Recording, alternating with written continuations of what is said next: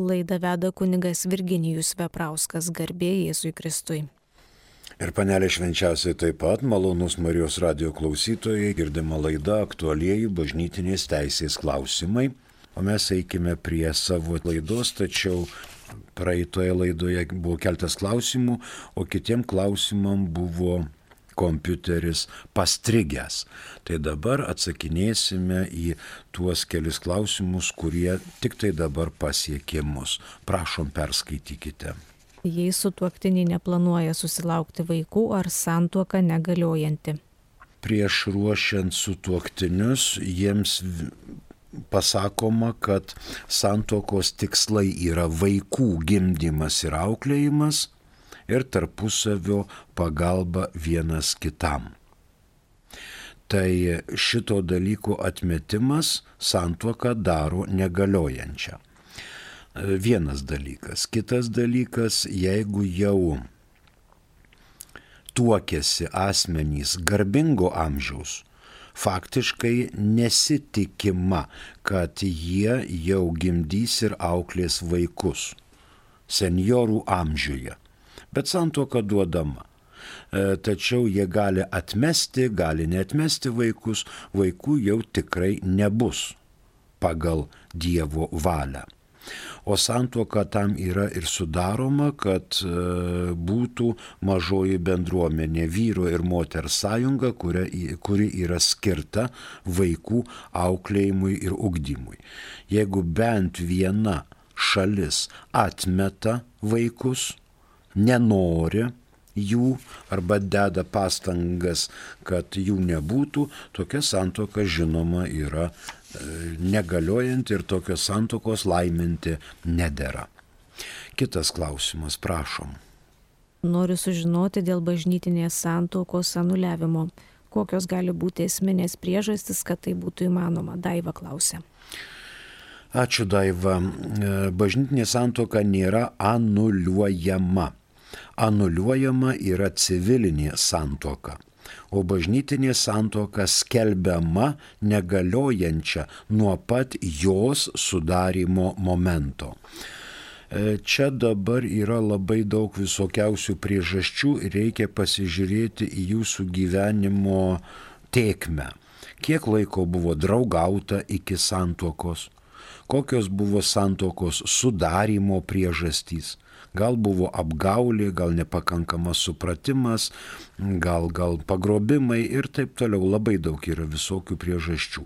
Ir reikia žiūrėti, kiek laiko išgyvenote santokoje ir buvo, kokia buvo santokos iširimo priežastis e, jeigu jūs turite šitoje vietoje problemų, e, visų pirma, kreipkitės į savo parapijos kleboną kuris atidžiai išklausęs ir pasteiravęs gali jums padėti parašyti prašymą bažnytiniam teismui. Jis yra kaustytas klebonas teologijoje ir, aišku, bažnytinėje teisėje ir jisai išklausęs jūs tikrai galėtų padėti jums parašyti prašymą dėl bažnytinės santokos, kad ji būtų paskelbta negaliojanti. Jis turėtų rasti išvelgti tam tikras priežastis. O čia mes neišvardinsime visų, tik vieną kitą galime pasakyti, nes kalbam dabar irgi mm, laidoje apie santuokinį sutikimą. Ačiū Daiva. Kitas. Ar gali sudaryti santuoką turintis Dauno sindromą? Santuoką sudaryti gali bet kas, kam teisė to nedraudžia. Mes atsiverčiame 1095, kur rašoma, nepajėgus sudaryti santuoką yra tie, kurie stokoja pakankamo protinio suvokimo, tie, kurie turi rimtą sugebėjimą suvokti esminės santokos teisės ir pareigas kaip abipusiai duodamas ir priimamas, trūkumą ir tie, kurie dėl psichinio pobūdžio priežasčių nepajėgia prisijimti esminių santokos pareigų. Tai dabar Dauno sindromas. Jeigu Dauno sindromą turintis asmuo nori tuoktis su kitu asmeniu, tarkim, tokiu pačiu turinčiu Dauno sindromą ar neturinčiu Dauno sindromo, jis kreipiasi į kleboną ir turi įrodyti, kad jis turi pakankamą protinį suvokimą, kad sugeba suvokti esminės santokos teisės ir pareigas, abipusiai duodamas ir priimamas, ir kad jis neturi psichinio pobūdžio priežasčių, kurios jam užkirstų kelią prisimti esminės santokos pareigas. Čia žinoma galima atkreipti dėmesį į gydančio daktaro, mediko nuomonę apie turintį Dauno sindromą, kokio lygio tas Dauno sindromas. Paprastai tokie asmenys labai ilgai negyvena, tačiau reikia konsultuoti su medikais. Ar Dauno sindromą turintis asmuo sugeba savarankiškai gyventi. Gal jam reikalinga pastovi priežiūra ar pastovi globa. Jeigu tokio, toks atvejis yra, jis yra nepajėgus prisimti esminių santokos teisų ir pareigų, nes jam reikalinga pačiam globa. Ir taip toliau. Dar vienas klausimas, prašom. Ar katalikų bažnyčia leidžia tuoktis trečios kartos pusbroliui ir pusėseriai, ar reikia vyskupo leidimo? Katalikų bažnyčia leidžia tuoktis trečios kartos pusbroliui ir pusėseriai. O jeigu paaiškėtų kitaip, tai klebonas rašo prašymą vyskupui ir išdėsto motyvus, dėl ko čia nori tą santoką sudaryti, ir vyskupas paprastai leidžia. Bet trečios kartos tikrai nėra jokių kliūčių iš bažnytinės teisės pusės sudaryti santuoką. Na ir dar vienas. Iš ko gyvena vienuoliai? Iš ko gyvena vienuoliai? Geriausia jų paklausti pačių. Pavyzdžiui, iš ko gyvena Lietuvoje jėzuitai? Nueikite į Švento Kazimiero bažnyčią Vilnių ir paklauskit, arba Jėzuitų Švento Pranciškaus Ksavero bažnyčią Kaune.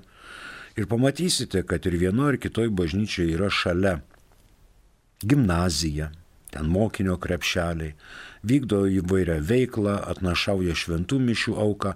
Faktiškai vienuoliai išgyvena iš jūsų, mėly tikintieji ir geros valios žmonės aukų yra atskiri vienuoliai arba vienuolinai, kurie vykdo ir kitokią veiklą. Pavyzdžiui, dėsto vienuolės universitete arba vienuoliai, gauna atlyginimą ir parneša į bendrą kasą. Nebūtinai universitete. Pavyzdžiui, yra galbūt seselės vienuolės klinikose, taip pat gauna atlyginimą ir parneša į bendrą kasą. Ir iš to išgyvena ne tik jaunesnio amžiaus asmenys, bet ir vyresni asmenys. Turi, žinoma, ir pastatus.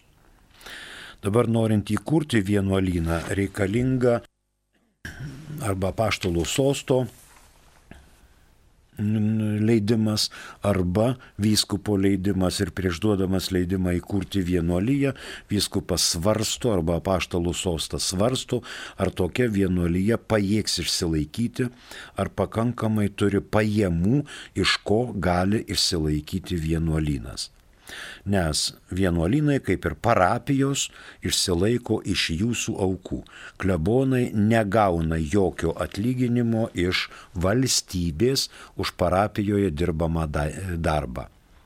Tai ir vaikų katekizavimas, ir laidotuvės, ir krikštai, ir santokos, ir mišios yra tik tai iš jūsų aukų, iš ko įsilaiko bažnyčia.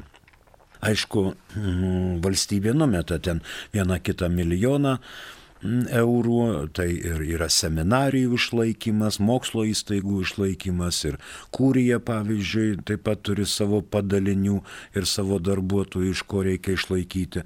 Tai parapijos irgi siunčia paramą kūrijai ir kūrija taip pat išsilaiko iš klebonų, iš parapijų. Tai bažnyčia išsilaiko iš aukų, nes bažnyčia yra autonominė, nepriklausoma ir bendradarbiauja su visu kitu paritetiniu pagrindu. Ačiū už praeitos laidos klausimus, kuriuos mums teko atsakyti tik šiandien. Primenu, kad klausotės Marijos radijo. Praeitoje laidoje pabaigėme 1095 kanono aiškinimą, dabar 1096. Du paragrafai. Kad būtų santuokinis sutikimas, būtina, jog besituokiantieji bent žinotų, jog santuoka yra vyro ir moters nuolatinė bendrystė, skirta palikonių gimdymui per tam tikrą seksualinį bendravimą. Ir antras paragrafas - toks nežinojimas neprezumuojamas po subrendimo. Tai dabar šitas kanonas kalba apie minimumą žinių, kurias privalo turėti sutuoktiniai dėl galiojančio santuokinio sutikimo. Žodžiu, pirma mintis - tai yra vyro ir moters nuolatinė bendrystė šeimoje. Tai ne banga, čia ne kaprizas, kad kuriam laikui, mėnesiui ar porai metų, bet kad tai yra subordinuota į vyro ir moters nuolatinę bendrystę. Antra mintis. Vyro ir moters santuoka yra skirta palikuonių pradėjimui ir gimdymui. Iš to šeimos, iš vyro ir moters kyla palikonys.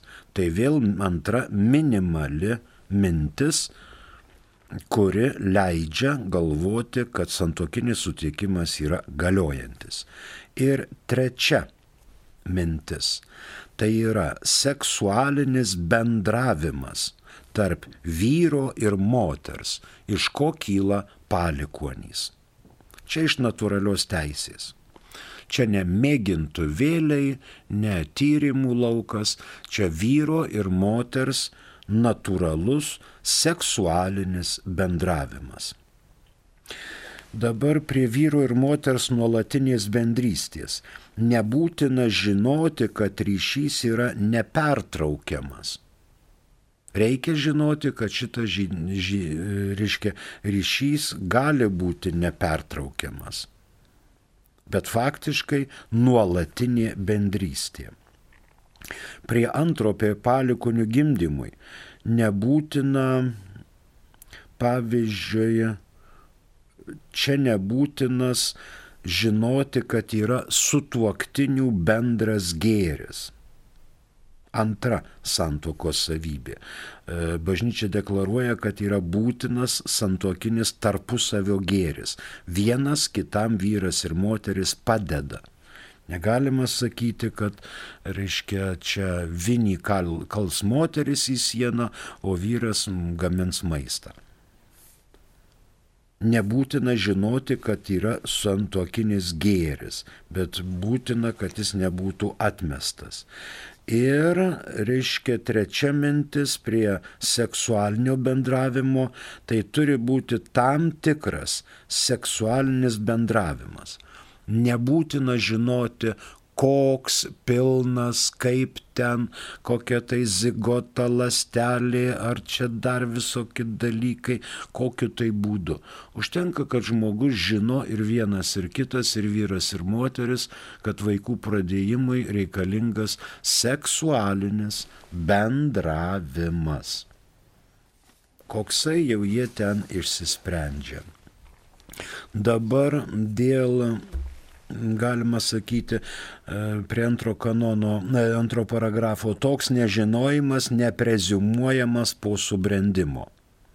Dabar norėtųsi, kad bažnyčia įvardintų, kada yra subrendimas.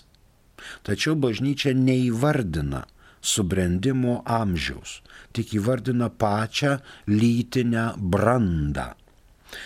Galbūt padėtų 1917 m.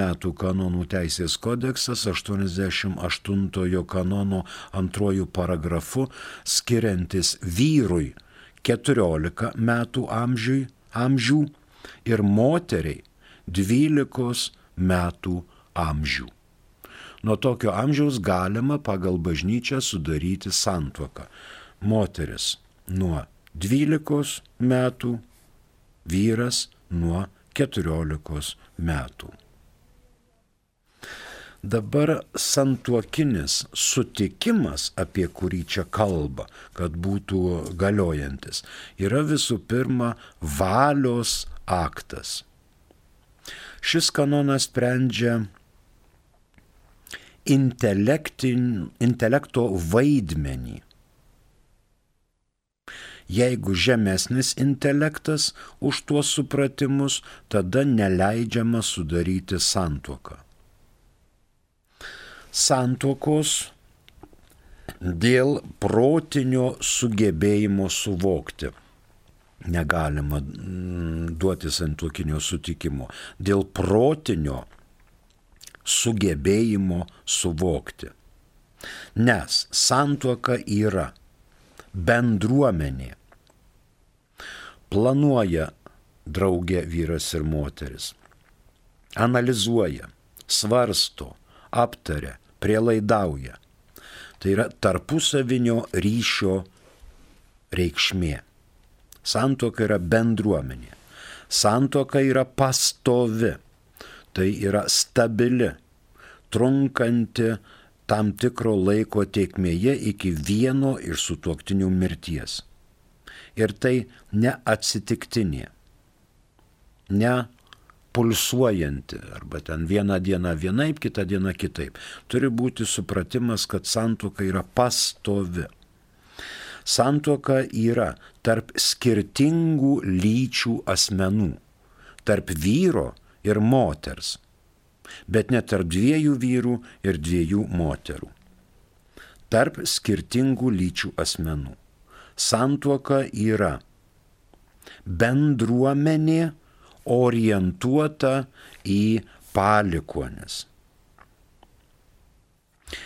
Palikonys pradedamos tam tikru seksualiniu ryšiu 1917 m. kanono kodeksas normino 1082 e, kanonu pirmuoju paragrafu. Po subrendimo abu sutuoktiniai turi žinoti, kad seksualinis ryšys turi būti vaikų palikonių pradėjimui, nebent galima kokiu nors būdu įrodyti priešingai. 1096 atitikmuo rytų kanonuose yra 819. Fiksuojam, kad būtų santuokinis sutikimas būtina, jog besituokiantieji bent žinotų, jog santuoka yra vyro ir moters nuolatinė bendrystė, skirta palikonių gimdymui, per tam tikrą seksualinį bendravimą. Toks nežinojimas neprezimuojamas po subrendimo. Kitas 1097 vėl du paragrafai. Klaida dėl asmens santuoką daro negaliojančią. Antrasis. Klaida dėl asmens savybės nors ir buvo sutarties priežastis, nedaro santuokos negaliojančią, nebent ši savybė būtų numatyta tiesiogiai ir iš esmės. Čia kalba 1097 apie santuokos negaliojimą, kuris yra sankcionuotas klaidos Žodžiu, klaidos įtakoje, klaidingo sprendimo įtakoje. Klaida yra netitikimas tiesai. Bet tai yra klaida, o ne nežinojimas, nedėmesingumas ar abejonė. E, kanonas aptarė klaidą ne dėl ko nors, bet aptarė klaidą dėl asmens. Ši norma kyla iš natūralios teisės. Teisinis aktas dėl klaidos negalioja. Mums į pagalbą ateina 126 kanonas. Aktas atliktas dėl nežinojimo ar klaidos esančių tame, kas sudaro jo esmę, ar sąlygoje sinekvanon yra negaliojantis. Kitu atveju, jei teisė nenustato kitaip, galioja, tačiau aktas atliktas dėl nežinojimo ar klaidos gali tapti panaikinimo veiksmų pagrindu pagal teisės normą. Tai čia ir žiūrime, kad tai gali būti panaikintinamo veiksmų pagrindu. Jeigu pagal teisės normą, teisės norma yra šia ir galima santoką panaikinti, jeigu klaida įvyko dėl asmens. Dabar e, susitariau e, vesti vieną iš dviejų dvynių seserų. Ir ten papuošė, aprengė aprėdė, tiuliais apviniojo ir ateinu prie altoriaus, o pasirodo ne šita, o man pakišo kitą tai santoka negaliojanti. Dėl asmens. Aš norėjau aną, o man pakišo dvynę seserį šitą. Tyčia, netyčia, neįdomu. Bet tai ne mano valia. Aš norėjau anos, o ne šitos. Santoka negaliojanti. Dėl asmens yra klaida objektyvi, nes skiriasi faktinė padėtis nuo sutuoktinio intencijos. Aš norėjau ją vesti, o man aprengė kitą lėlytę. Klaida dėl asmens savybės neiššaukia santokos negaliojimo, net jei tai yra priežastis santokos sudarimui. Pavyzdžiui, amžius, civilinė padėtis, tautybė, išsilavinimas, profesija, religija, turtinė padėtis ir panašiai. Jos tėvas užima aukštas pareigas, jinai reiškia turtinga merga, tada aš ją vedu. O pasirodo, kad ten tėvai atsisakė tėvystės arba atimtos tėvystės, teisės ir taip toliau. Amžius. Aš galvojau, kad jai 26, o jai iš tikrųjų 34, o viešpatė kokia senė. Tai vad tokie, tokios, tokie dalykai nedaro santokos negaliojančios. Išsiaiškink prieš tai. Gali būti ir teigiami dalykai. Pavyzdžiui, aukštesnis išsilavinimas. Galvojau, kad baigusi 8 klasės, o jinai turi magistrą. Arba imu jį iš gailėšio, kad jisai turi priklausomybę nuo alkoholio, o pasirodo jis jokios priklausomybės nuo alkoholio net, neturi. Tai yra pozityvios priežastys. Dabar toliau prie pirmojo paragrafo dėl asmens. Jei savybė pareikšta, numatyta tiesiogiai ir iš esmės, ji gali ardyti santoką.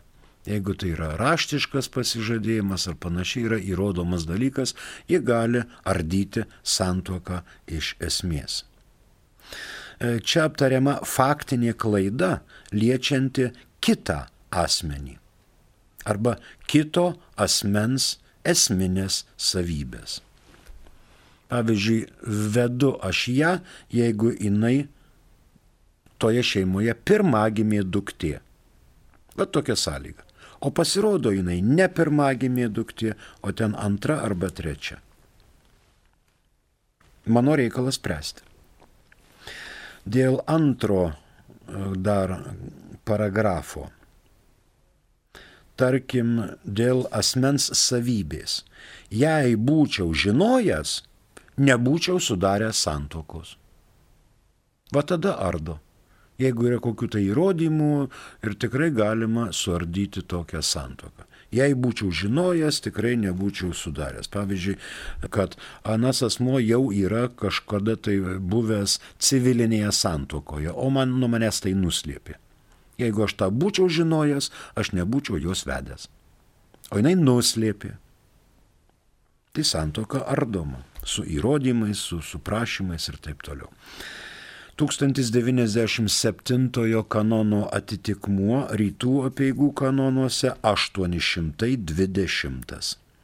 1097 fiksuojam. Pirmas. Klaida dėl asmens santuoką daro negaliojančią. Iškart. Antrasis.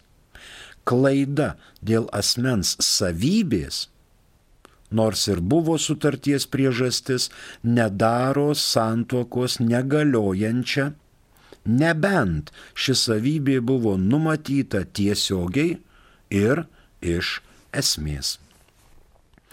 Kitas 1098 kanonas. Tas, kuris sudaro santuoką apgaulę, siekdamas išgauti sutikimą dėl kokios nors kitos šalies savybės, savo prigimtimi galinčios smarkiai sudrumsti suntuokinio gyvenimo bendrystę, ją sudaro negaliojamai. Čia yra numatoma nusikalstama sužadėtinio arba sužadėtinės veika. Netgi ir trečio asmens veika, norint išgaus, išgauti iš anos pusės santuokinį sutikimą. Čia yra aptariama sužadėtinio ar trečio asmens nusikalstama veika, galinti smarkiai sudrumsti santuokinio gyvenimo bendrystę. Tarkim, 1084 apie vaisingumo nuslėpimą. Iš ankstinis ir nuolatinis tiek vyro, tiek moters lytinis nepajėgumas, visiškas ar dalinis, pagal savo prigimtį suardo santoką. Dabar mums antras jei nepajėgumo kliūtis yra abejotina tiek dėl teisės, tiek dėl fakto, santokai negali būti trukdoma ir abejonė išliekant ji neskelbtina niekinė. Ir dabar mums rūpimas nevaisingumas nedraudžia ir nesuardo santuokos laikantis 1098 kanono nuostatos. Reiškia, nevaisingumas nedraudžia ir nesuardo. Bet jeigu tai yra nuslėpta savybė, tada pirmin į teismą. Vaisingumo nuslėpimas. Nuslėpta, pavyzdžiui, lyga. Psichinė Žmogus ilgą laiką buvo dispanseryje, gydėsi, bet nieko apie tai nepasakė būsimam sutoktiniui. Būsimas sutoktinis mato, kad čia lyg ir viskas normalu, paklausė, paklausė, ne, ne, niekas nieko nežino, nu kaip tai čia negali būti ir taip toliau. Pavyzdžiui, gali būti nuslėpta kriminalinė padėtis. Žmogus dabar jau susitvarkęs, bet praeitįje už ten kokią žmogžudystę arba dar už kokias stiprių didelių sukčiavimus ar vagystės atsėdėjo kalėjime, bet jis šitą nuslėpė. Buvo klausimas, bet paneigė. Tarkim, civilinės santokos sudarimas su kitu asmeniu. Tarkim, jisai sako, tikrai vaikų neturiu, o jis ten porai moterų moka alimentus. Arba bent vienai moteriai moka alimentus. O jis tą nuslėpė.